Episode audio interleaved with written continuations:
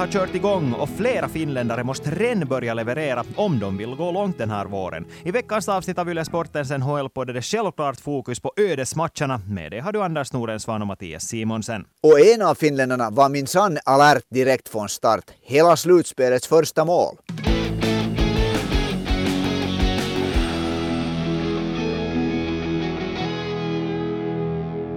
Före vi går in på snacket om slutspelet så ska vi ju ta och dela med oss av en glädjenyhet som många av er kanske redan har sett på svenska.yle.fi eller på Svenska Yles uh, sociala mediekonton. Alltså det att Svenska Yle kommer att ordna en poddfest i Åbo den 6 maj och där kommer vi, NHL-podden, också att vara på plats. Och det här är ju ett sånt evenemang dit eh, man behöver biljett om man vill se de här stora showerna, men vi har bestämt oss för att sitta i puben dit vem som helst kan komma. Så det, om du blir utan biljett så det spelar ingen roll, för på vårt hockeysnack kan du komma oavsett. Och dit får du komma och, ja, egentligen, vad ska vi kalla det, snacka hockey med oss. Ja, utmana oss, ut och fråga och det där. Och vi kan ju säga så mycket att när det är så nära till, till ishockey-VM så kommer vi att diskutera åtminstone de NHL-förstärkningarna i VM. Dyk upp dit, kom och säga hej åt oss, lyssna på och ställ framförallt frågor. Vi vill att ni ska diktera samtalsämnena den där kvällen.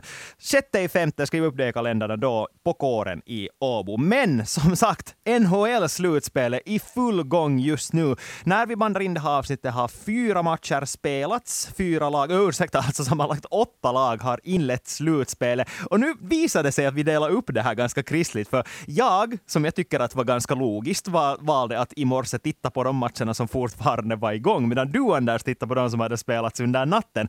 Så om vi börjar med de här som du har tittat på, vad kan du berätta åt oss hur det gick för finländarna i Carolina Hurricanes mot New York Islanders? Alltså, här i intro kom fram redan så var det ju en finländare som gjorde hela slutspelets första mål och det var han som hittas först i alfabetiskt. Aho, Sebastian. Tre minuter var spelat av första perioden när, när Sebastian Aho förde upp Carolina i en 1-0 ledning och det var nog ett viktigt mål för Carolina så som den matchen utvecklades för det blev nog igen en sån där typ pisk Hurricanes match under de här senaste månaderna. Ja, alltså, jag skulle ju säga där att jösses så viktigt för Hurricanes att de kunde göra ett mål så där tidigt. Och hur viktigt var det inte för just Sebastian Aho att han fick lyckas så där tidigt? För vi vet ju ändå att ja, han är en bra målskytt, men att han också är lite av en sån där humörmålskytt där när det går sämre så börjar han också spela stressat, framförallt när det handlar om att sätta in pucken själv. Så oerhört viktigt, dels för Carolina, för helt som vi har pratat om, har haft problem med målskytte, att de lyckas direkt, och just Sebastian Aho. Eller håller du med? Och det var ett powerplay-mål. Båda Carolinas äh, mål var ju powerplay-mål. Carolinas powerplay har ju mellan hostat riktigt ordentligt, så det var också liksom viktigt att få mål i de här spe specialsituationerna. Jag kan ju avslöja så mycket om det är någon som nu inte vet att Carolina vann den här matchen med 2-1. Men det som jag skulle säga om Sebastian Aho, han är ju ändå, han är ju ändå en spelare som i slutspelet har varit grymt bra och, och gjort många mål. Och faktum är att han är nu you på delad första plats i Carolina-organisationen genom tiderna som målskytt i slutspelet. Nu är Sebastian Aho en kille som levererar för sitt lag. Mm, en finländare som inte ens fick chansen att leverera var Jesse Puljärvi. Lite som vi talade om, att de här återstående matcherna i grundserien, från det att han blev tradad in från Edmonton Oilers, så handlar antagligen om att han spelar om en plats i truppen i slutspelet också. Och nu gick det ju som så att Jesse Puljärvi inte fanns med i den spelande uppsättningen, men Anders saknar du honom på isen? Just så som vi, vi snackade så det där, vi tänkte att han det där, den fjärde kedjan, den där logiska platsen för honom och då kämpar han med, med Derek Stepan. Och nu var det Derek Stepan som var inne där i, som höger ytter och det där, den fjärde kedjan var, fungerar riktigt bra. Men no, helt så här subjektivt så måste jag nog säga att jag börjar bli, när jag följer med Carolina ganska noggrant och har liksom på något sätt tittar alltid hur det går för Sebastian Aho där och vad han skulle behöva omkring sig. Och nu spelar han med, med Teuvo Teräväinen på ena kanten och Seth Jarvis på andra kanten. Och då är det egentligen sådana här eh, tre hur ska jag säga, lättviktare i en kedja och jag börjar nog bli verkligt frustrerad på Seth Jarvis för han får nog inte puckar in någonstans ifrån för tillfället och jag vill inte säga att Jesse Puljärvi är en målskytt men Jesse Puljärvi i den kedjan skulle kunna tycka jag skapa lite mer utrymme liksom än, än, vad, än vad Seth Jarvis gör. Nu tänker jag flika in med en fråga, eh, nämligen så, eller no, inte direkt en fråga, jag tänker bara nämna att Jonas har skickat in en fråga och frågat vilka lag som kan överraska eller floppa i den första rundan. Och samtidigt påminner jag alla att om du har en fråga eller ett förslag på samtalsämne eller vad som helst så skicka in på Ylesportens Instagramkonto eller per mejl till svenskasporten.yle.fi. Men med det här överraskningar och floppar så är det här ju ett matchpar som ganska många har pekat ut. Att Carolina på pappret, solklar förhandsfavorit, men deras spel har varit ganska svajigt den senaste tiden. Helt som vi snackade om för en vecka sedan. Och nu får de ändå den här viktiga första segern. Tycker du att det är någonting som talar för att Islanders nu kan vända det här? Jag skulle säga just den här första segern var nog verkligt viktig. För det kan, det kan ha varit liksom lite islossning för Carolina som borde ha avgjort den där matchen i ett tidigare skede. Nu börjar ju Carolina faktiskt med Antti Ranta i målet. Inte Freddy Andersen utan Antti Ranta var den som, som spelade. Han gjorde en riktigt bra match. Han hade ingen, riktigt ingen möjlighet på det där Islanders enda mål om Islanders skulle ha vänt den där matchen där i slutet när de sen pressade utan målvakt och lyckats vinna den, så då tror jag att den här äh, matchserien matchen skulle kunna bli en riktig mardröm för Carolina. Nu har jag på något sätt på känn att den där segern och att de gjorde de där målen i powerplay, att det i längden kommer liksom att ge den flyt. Vi går vidare till nästa östra konferens slutspelsserie som redan har kört igång, den mellan Florida Panthers och Boston Bruins, där vi kanske kan konstatera att det gick enligt manuskriptet. Boston Bruins, trots att de saknar Patrice Bergeron, vann med 3-1 över Florida Panthers i den första matchen. Vad, vad tycker du om den matchen då? Kanske något överraskande, eller jag vet inte om det är överraskande, så, så vann ju Florida det där skotten i den här matchen. Men Boston vann matchen. Boston vann matchen med, med 3-1. Så det var ju nog helt på det sättet enligt manuskriptet. Boston blev, hur ska man säga, mer och mer kompakt under dess längre matchen led och när, i det skedet som de ledde med 3-1 så var nog, hade nog Florida egentligen... Det var just så där att, att det var en sån där match som man sa att Florida hade ingen chans att komma in i den. Mm, och det här är ju den matchserien som många nordamerikanska experter tippar att det är mest sannolikt att sluta i en 4-0 matchseger, alltså för Boston Bruins såklart. Och jag vet inte, alltså åtminstone på resultatet så känns det ju nog som att det kanske till och med kan gå vägen. Men matchbilden då, var, var det liksom någonting i Florida som talar för att de ens kan stjäla en seger mot Boston? Ja, det att de vann skotten. De hade ju nog chanser liksom. De, de, de där lyckades på det sättet nog skapa offensiv och de hade liksom eh, powerplay-chanser det där. Nu är det ju så att så länge ett lag skapar chanser så måste det ju finnas en möjlighet att vinna. Och sen det där, de börjar nu med, med, med sensationsmålvakten Alex Lyon i mål. Han spelar bra, men typiskt då att när han har varit en levande vägg egentligen här, så nu släppte han in ett helt fruktansvärt billigt mål som blev 2-0 till, till Boston på Bernard Chans äh, lösa skott från det där ungefär blålinjen med handleden. Det var ingen, ingen liksom täckning eller någonting framför och den gick in via handsken. Men det där som helhet så kan man väl säga att Lion var bra i mål.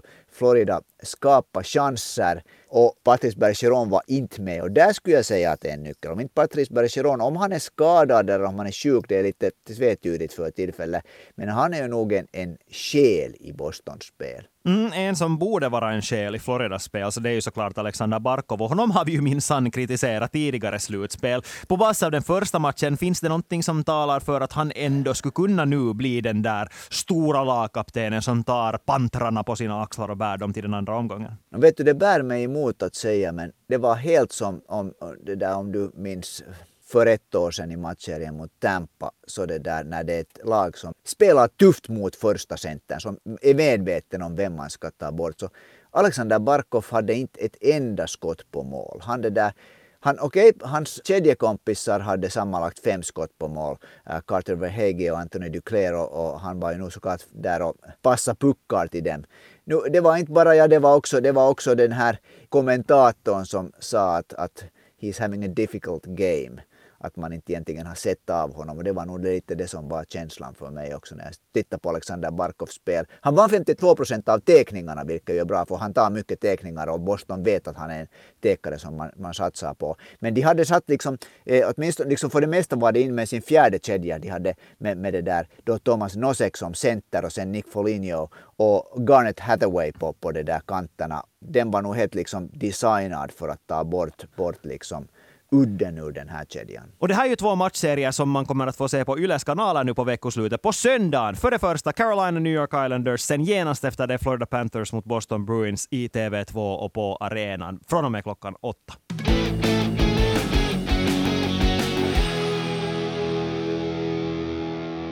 Men från öst så flyttade vi över till väst och det var, och det där, det, det var de sena matcherna som du var uppe tidigt och, och tittade på morgonen. Jag skulle det säga att det var nog tidiga matcher och inte sena matcher.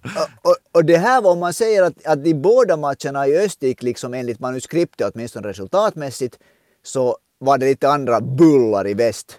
Nej, nej, alltså, om vi börjar med Dallas, Minnesota, så där kan jag tycka att matchbilden såg ganska väntad ut. Åtminstone om man var en av dem som förväntade sig att Dallas Stars skulle vara klart bättre. För den parallellen som jag skulle vilja dra nu mellan den här matchserien och den tidigare är från den här till fjolårets Dallas Calgary-serie och att om det bara är ombytta roller nu, att Dallas är den som helt klart är i förarsätet och att Minnesota på något sätt håller sig vid liv, inte minst tack vare alldeles fantastiskt målvaktsspel, för det var egentligen det vad det handlade om. Jag, jag såg nu egentligen, jag såg ungefär halva tredje perioden och så såg jag förlängningen i sin helhet och jag tycker att på basis av den så skulle man ju ha trott att Dallas borde ha vunnit den där matchen 5-0 och nu råkar jag veta att, att Minnesota spelar mycket bättre tidigare under den matchen, men om man bara skulle ha sett det och inte skulle ha brytt sig om att läst, läst in sig på vad som hände tidigare i matchen och kolla highlights, så skulle man faktiskt förundra sig över hur Dallas faktiskt förlorade den där. Men med det sagt så Jösses så frustrerande det måste vara att förlora en sån där match som går till en andra förlängning. En match där de finländska stjärnorna försöker ta på sig så enormt mycket ansvar som de bara kan. Roope Hintz gör ett mål, prickar stolpen i den andra förlängningsperioden just före Minnesota, sen på något sätt lyckas klämma in det där segermålet som egentligen var, ska vi säga, deras tredje läge under de två förlängningsperioderna. Så mycket snurrar spelet i den andra ändan. Och Miro Heiskanen som jobbar 41 minuter på isen, det Eh, är nog...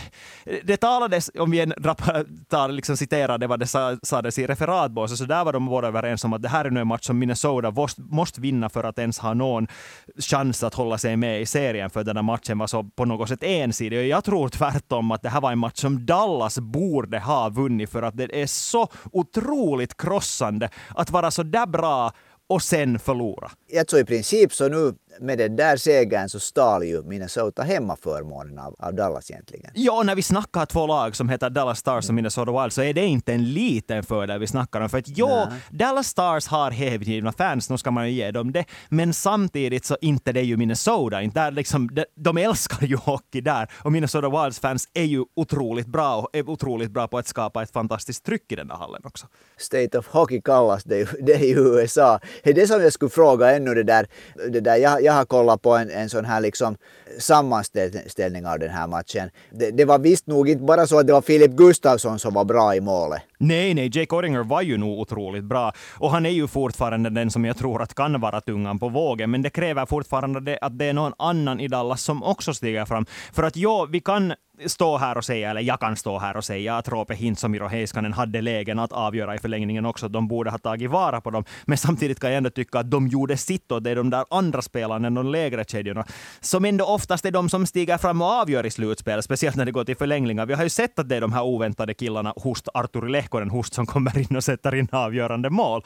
Och att det fanns liksom inte det där flankstödet i Dallas just nu och det krävs nog att det dyker upp någonstans ifrån om de ska gå långt. Ja, för nu var det ju Hintz gjorde mål och gjorde en Jason Robertson också mål där. Mm, och sen, alltså det, ska ju sägas att det fanns ju nog andra spelare. Jag nämnde det här att Hintz prickade stolpen, men det fanns ju många andra spelare som hade bra lägen i den där matchen. Till exempel Wyatt Johnston svepte förbi pucken helt och hållet när han hade helt öppet mål. Mason Marchment hade också ett öppet gapande mål framför sig, men så hoppade Minnesota back desperat och slängde sin klubba just precis så mycket i vägen för skottet så att det gick över mål. Och jösses så han så frustrerad ut, Marchment, när det gick, inte gick in. Och där också lite det där kroppsspråket om att, att liksom man såg på de där vissa spelarna, tycker jag, som till exempel just Marchment och Wyatt Johnston och Jamie Benn, att de verkligen var frustrerade för att det inte gick vägen för just deras kedjor. Och att det handlar nu om att, liksom att dels det att första kedjan måste fortsätta leverera och de andra kedjorna får inte bli frustrerade. Nyckeln är ju säkert också just det att, att i, slutspel, som, som man säger, de bästa spelarna måste vara de bästa spelarna för ett lag. Och nu ser det ju åtminstone ut som den där första kedjan, Hintz, Pavelski, Robertson, skulle vara färdig för att bära ett stort ansvar och bära laget vidare. Ja, nu är det ju uttryckligen det här lagets djup som testas och det är ju det som ändå är skillnaden mellan ett bra lag och ett Stanley Cup-vinnande lag om skillnaden, tänker just liksom till Florida, så Minnesota lyckades inte stänga ner den här Hintz-kedjan. Nej, men samtidigt ska det ändå lyftas fram att Minnesota ju inte var dåliga i den här matchen heller. Otroligt bra defensivt. De gjorde ett jättebra jobb från att hålla Dallas borta från de riktigt farliga chanserna och var väldigt uppoffrande i sitt försvarsspel. Det, det är sånt där, ett sånt spel som kan bära dem till den andra omgången, men som jag inte tror att det är väldigt hållbart i längden. Det har vi ju sett många gånger att underdogs lyckas skrälla i den första omgången, men sen inte går så värst mycket längre än så. Men ett till problem som Dallas visar i den här första matchen, som kan vara ett jättestort problem för dem i framtiden, oavsett om de går vidare eller inte. De släppte jättemånga farliga kontringar där Minnesota nästan kategoriskt kom iväg i tre mot två. Ja, det gäller att vara noga där vid, vid offensiva blå. Och sen det där fortsätter vi upp till prärien i Kanada. Edmonton, Los Angeles, där kom första omgångens riktiga skräll. Ja, ska vi säga som så här, för det första vill jag inte riktigt, riktigt hålla med dig om att det var en så stor skräll, för jag är nog en som nästan skulle ha kunnat tippa redan före den här matchen att Los Angeles Kings kan sätta käppar i hjulen för Edmonton Oilers. För att om man tittar på hur de här lagen är uppbyggda så har Edmonton två eller till och med tre väldigt skickliga offensiva centrar, medan Los Angeles Kings har åtminstone två väldigt defensivt skickliga centrar i Anse Kopitar och Filip Deneau. Och när en Anse Kopitar, den här slovenska arbetshästen, gör ett plus två i en match så kommer de ju att vinna. Och här ska jag säga direkt, när vi lite var inne på det publiktrycket när vi talade om Dallas och Minnesota, så här är det ju också då solklart att det är Edmonton som har en bättre hem, ett bättre hemmastöd. Men sättet som publiken reagerar på den här utvisningen som blev avgörande avgörande så fick mig nog faktiskt, jag tänker säga det helt det fick mig att hoppas att Los Angeles Kings skulle panga in det där segermålet som de gjorde. För om man slänger in skräp på en is, alltså oavsett om det är en idrottsplan eller inte, men att kasta in det på isen, det är livsfarligt. Och det är så otroligt korkat av de här fansen att göra det. Att jag, jag var genast sådär när jag såg att de stängde ner matchen och de eh, sa, spikaren fick säga till åt fansen att bete sig, att inte slänga in saker på isen. Så helt rätt att de, att de förlorade. Kanada är ishockeyns hemland och ett fantastiskt ishockeyland, men det vet man att kanadensiska spelare, kanadensiska anhängare och kanadensiska hockeyledare har en tendens att vara väldigt osportsliga när det går det där emot dem. Det som jag nu skulle säga om det, därför varför jag tycker på ett sätt att, att det var en skräll, förutom då att Edmonton är kanske ändå favorit i den här matchserien, så det att när Edmonton gick upp i ledningen, så på något sätt har jag tänkt att, att det där att när de, den där maskinen, när de slipper upp i ledning, så då blir det svårt för motståndare. Det skulle liksom kräva att Los Angeles skulle göra det första målet. Det håller jag helt hundraprocentigt med om. När jag vaknade och kollade från min resultatapp att Edmonton låg i 2-0 ledning, så då var jag liksom, jag räknade ut Los Angeles Kings i det skedet. För då tänkte jag att om man tvingar Kings, det här Kings, att spela offensiv hockey, när det är uttryckligen det defensiva som de har varit bra på den senaste tiden, så då, det är en match som de kommer att förlora. Men bevisligen inte. Och i och med att de vann den här matchen, så här skulle jag nästan vilja svara på Jonas fråga och säga att i mina papper åtminstone, någonting som inte är en skräll, men tydligen för många andra. Och jag tror faktiskt att Kings kommer att vinna den här serien. Och apropå Jonas, så det där, ta nu ännu avsluta den här diskussionen om den här matchen med, matchen med det där, att lite berömma Jonas. Ja, och det är inte minst orsaken till att jag tror att Kings kommer att ta det här. För vi har ju sett att Jonas Korpisalo kan stå på huvudet i puckregn i slutspelet. Det gjorde han i Columbus Blue Jackets också de få gångerna han fick testa på den hetluften. Men jösses så bra han var i den här matchen. Och att ha ens en så pass bra mål... Nu säger jag ju inte att Korpisalo är den bästa målvakten i NHL. Jag säger inte att han är den bästa finska målvakten i NHL. Det skulle vara helt befängt att säga så. Men att ha en, en så stabil målvakt som Korpisalo bakom ett så pass bra defensivt lag som Kings är just nu, så det kan faktiskt vara det som frustrerar Edmonton till den grad, eller jag tror att det kommer att frustrera Edmontons de här stora offensiva stjärnorna till den grad att de inte kommer att fixa det.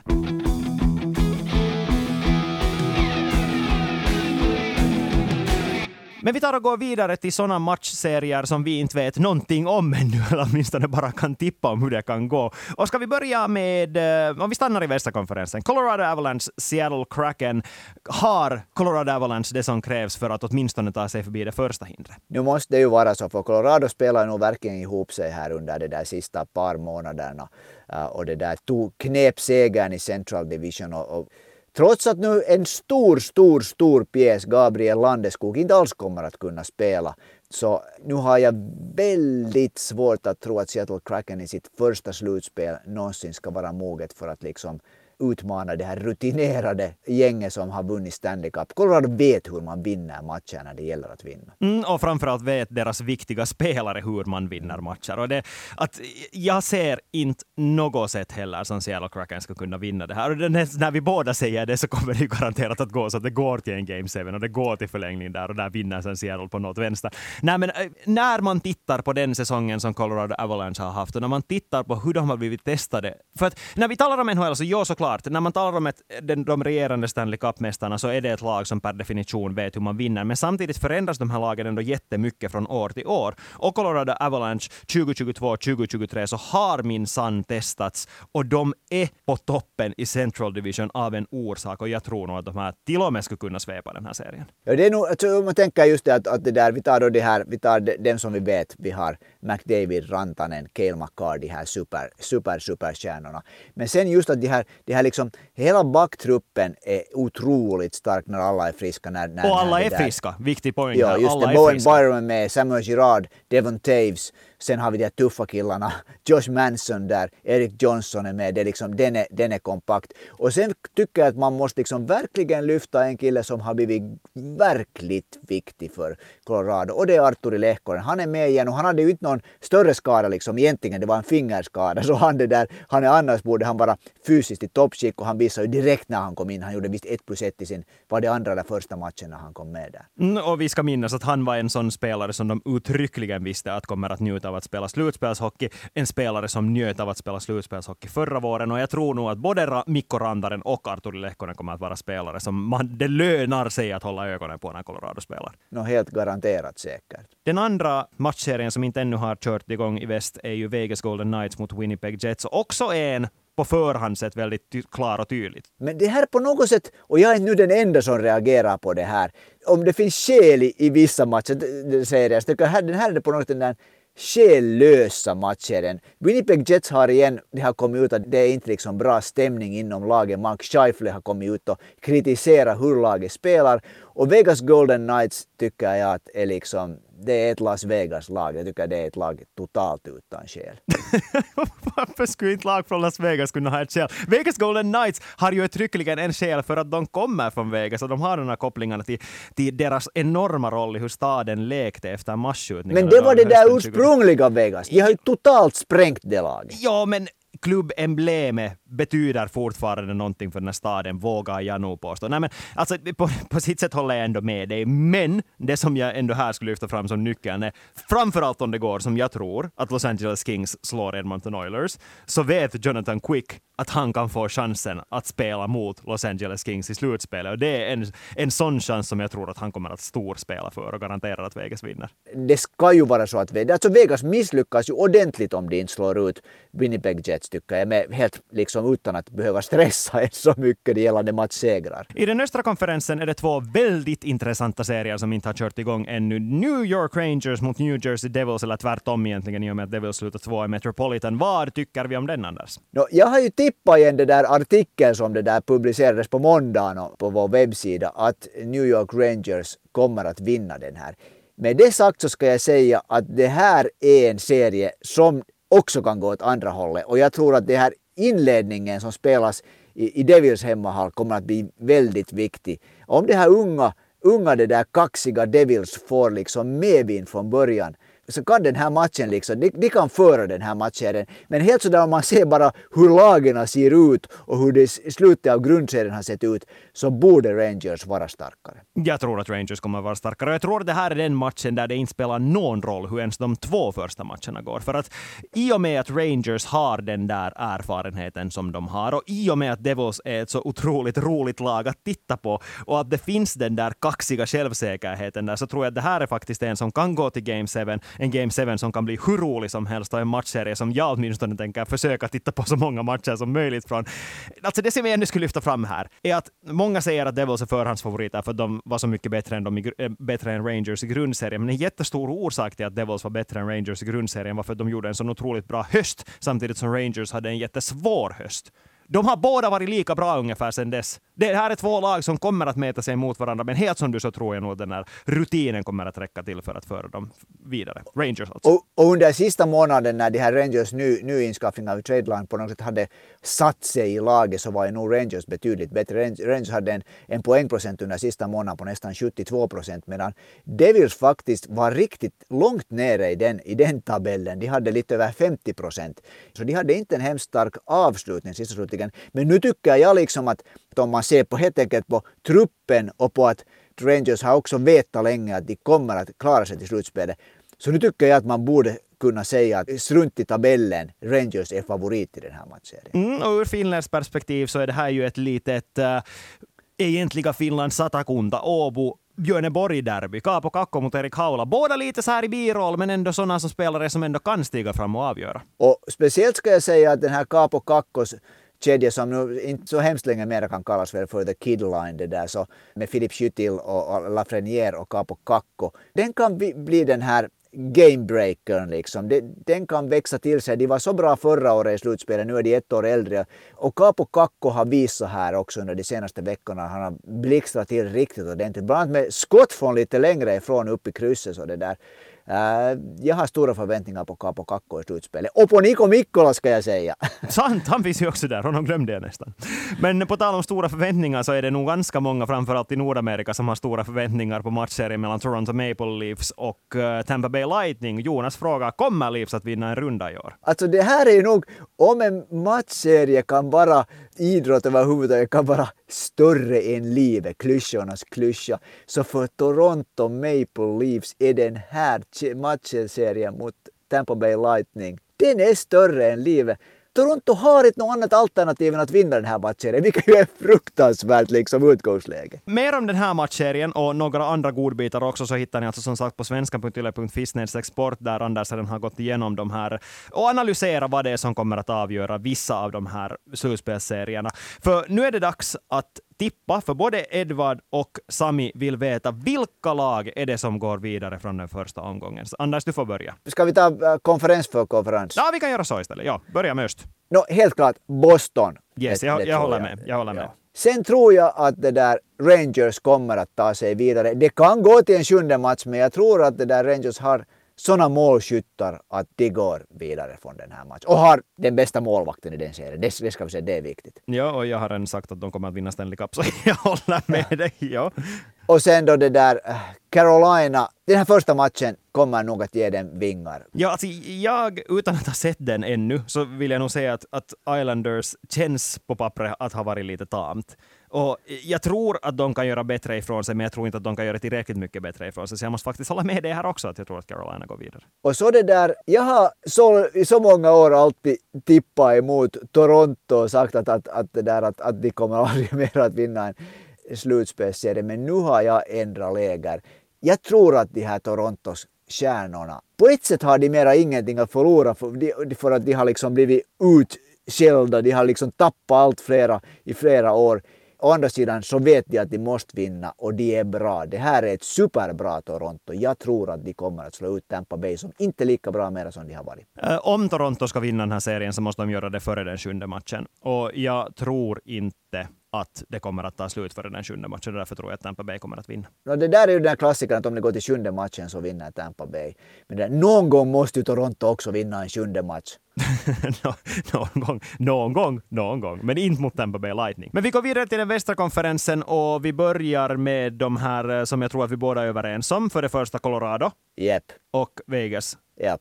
Och jag sa ju redan att Los Angeles Kings kommer att slå Edmonton Oilers. Går du nu i bräschen för Edmonton, helt officiellt också? Jo, jag, tror, jag, jag, jag är nog den, av den åsikten att det där att uh, Conor McDavid bara tillsammans med Leon Draisaitl och såklart många andra, men de bara kommer att tvinga fram en seger i den här matchserien. Och sist, men verkligen inte minst, kanske den mest svårtippade av dem alla, Dallas mot Minnesota. Den är nog svår och den där första segern kan visa sig vara mycket viktig för, för Minnesota. Men det där, här blir det nu att vara lite patriotisk. Det finns så många finska spelare i Dallas att jag måste ju tro på att, att finländarna fixar det här. Jag tror tvärtom att det kan ha varit avgörande att de förlorade den här första matchen. Inte minst på det sätt som de gjorde. Minnesota fick hemmafördelen med sig. De fick ett betyg på att bara om de orkar kämpa så här så kommer det att gå vägen. Och de har bevisligen en målvakt som kan vinna matcher åt dem. Jag tror att Minnesota kommer att greja det här. Utan många, många blåmärken och några förlängningar till så kommer det inte att ske. Nej, det håller jag med om. Men med det tar vi sätta punkt för det här avsnittet av Yle Sportens NHL-podd. Vi är tillbaka igen nästa tisdag. Tack och hej och ha det bra!